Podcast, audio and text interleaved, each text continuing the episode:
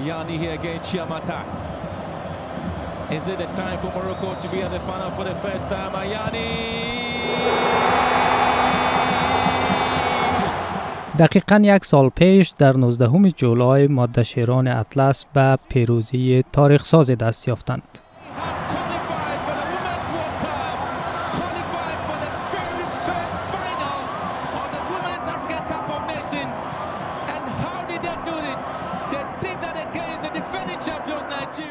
تیم ملی فوتبال زنان مراکش برای نخستین بار به جام جهانی فوتبال زنان 2023 راه یافت. زمانی که روزلا ایان از تیم تاتنهام بازی مقابل نیجریه را به ضربات پنالتی کشان مراکش اولین کشور عربی بود که به فینال جام ملت‌های آفریقا و همچنین به جام جهانی فوتبال زنان راه یافت.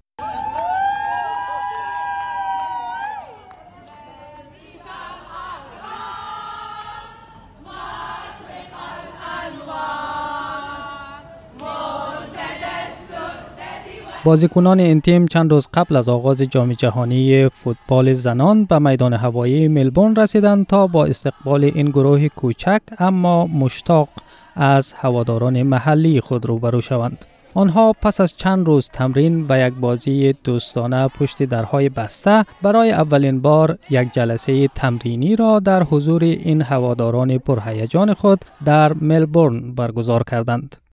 نورا آزوگا ساکن ملبورن یکی از هواداران پروپا قرص تیم زنان مراکشی است. خانم آزوگا با ابراز خورسندی از دیدن تیم زنان مراکش در استرالیا می گوید که مشتاقانه منتظر دیدن اولین بازی آنهاست. Yeah, we're really super excited to welcome our, our Moroccan national team uh, to Australia. Um, it's a first for the women's team to make it into the World Cup, which we're super excited about. And um, yeah, we've been buzzing ever since. We met them at the airport. Um, we stalked them at their at their um, friendly game, and um, yeah, we're looking forward to their first match. تریس شایب 43 سال است که در استرالیا زندگی می کند اما هنوز با اشتیاق به استقبال تیم ملی زادگاهش آمده بود.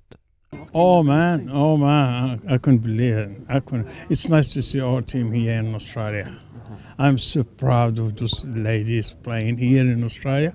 You know, they try hard all every years now they are here, and I, I'm surprised to see them in Australia.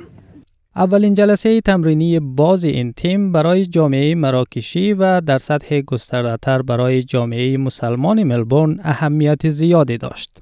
هواداران موفق شدند در این جلسه نهایلا بنزینا را ببینند. کسی که قرار است به نخستین بازیکن با حجاب جام جهانی فوتبال تبدیل شود. ماریان حاجی هاشی یکی از هواداران تیم مراکش حضور خانم بنزینا را نشانه تنوع بیشتر در دنیای ورزش می داند. I feel like it definitely so, shows a lot of representation, especially for our community, especially girls for, that wear hijabs. There obviously there's a mixture of women that wear hijab and non-hijab, but at the end of the day, we're all Muslim. So like we always will support our own people, like our own ummah. Yeah. در عین حال بازیکنان یک تیم ملی در تبعید نیز به تماشای جلسه تمرینی تیم مراکش آمده بودند. نزدیک دو سال بعد از سقوط کابل بسیاری از بازیکنان تیم ملی زنان افغانستان اکنون برای باشگاه ملبورن ویکتوری بازی می کنند و امیدوارند روزی فدراسیون بین‌المللی فوتبال فیفا به آنها دوباره حق حضور در مسابقات بین را بدهد. تیم فوتبال زنان افغانستان نیز دو روز قبل از افتتاح جام جهانی یک بازی نمادین با تیم فوتبال empowerment در ملبورن داشت که هدف آن برجسته سازی امید زنان فوتبالیست افغان به احیای حقشان برای شرکت در مسابقات بین المللی خوانده شد. منوج نوری نایب کاپیتان این تیم است. او تفسیر طالبان از دین خود و ممنوعیت شرکت زنان در ورزش را اشتباه می خواند و می گوید که در هیچ جای اسلام گفته نشده که زنان نباید فوتبال بازی کنند. Some of uh, men Muslim thinking women can play soccer and football is not for women, for Muslim women, but that's wrong.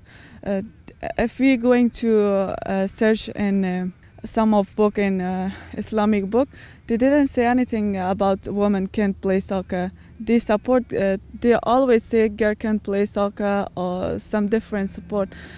مرسل سادات فوتبالیست دیگر افغان حضور مراکش در جام جهانی را به نمایندگی از جهان اسلام مهم می داند و می گوید که حضور آنها در این مسابقات می تواند این پیام را به جهان بدهد که همه مسلمانان جهان طرز فکر طالبان را ندارند.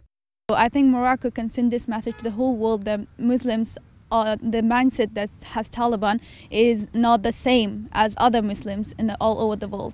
So they are sending this message to everyone that the Muslim community and the people, the women for the Muslim countries are more valuable than what Taliban representing nowadays. مراکش در اولین دیدار خود در جام جهانی فوتبال زنان دوشنبه شب 24 جولای به مساف آلمان خواهد رفت.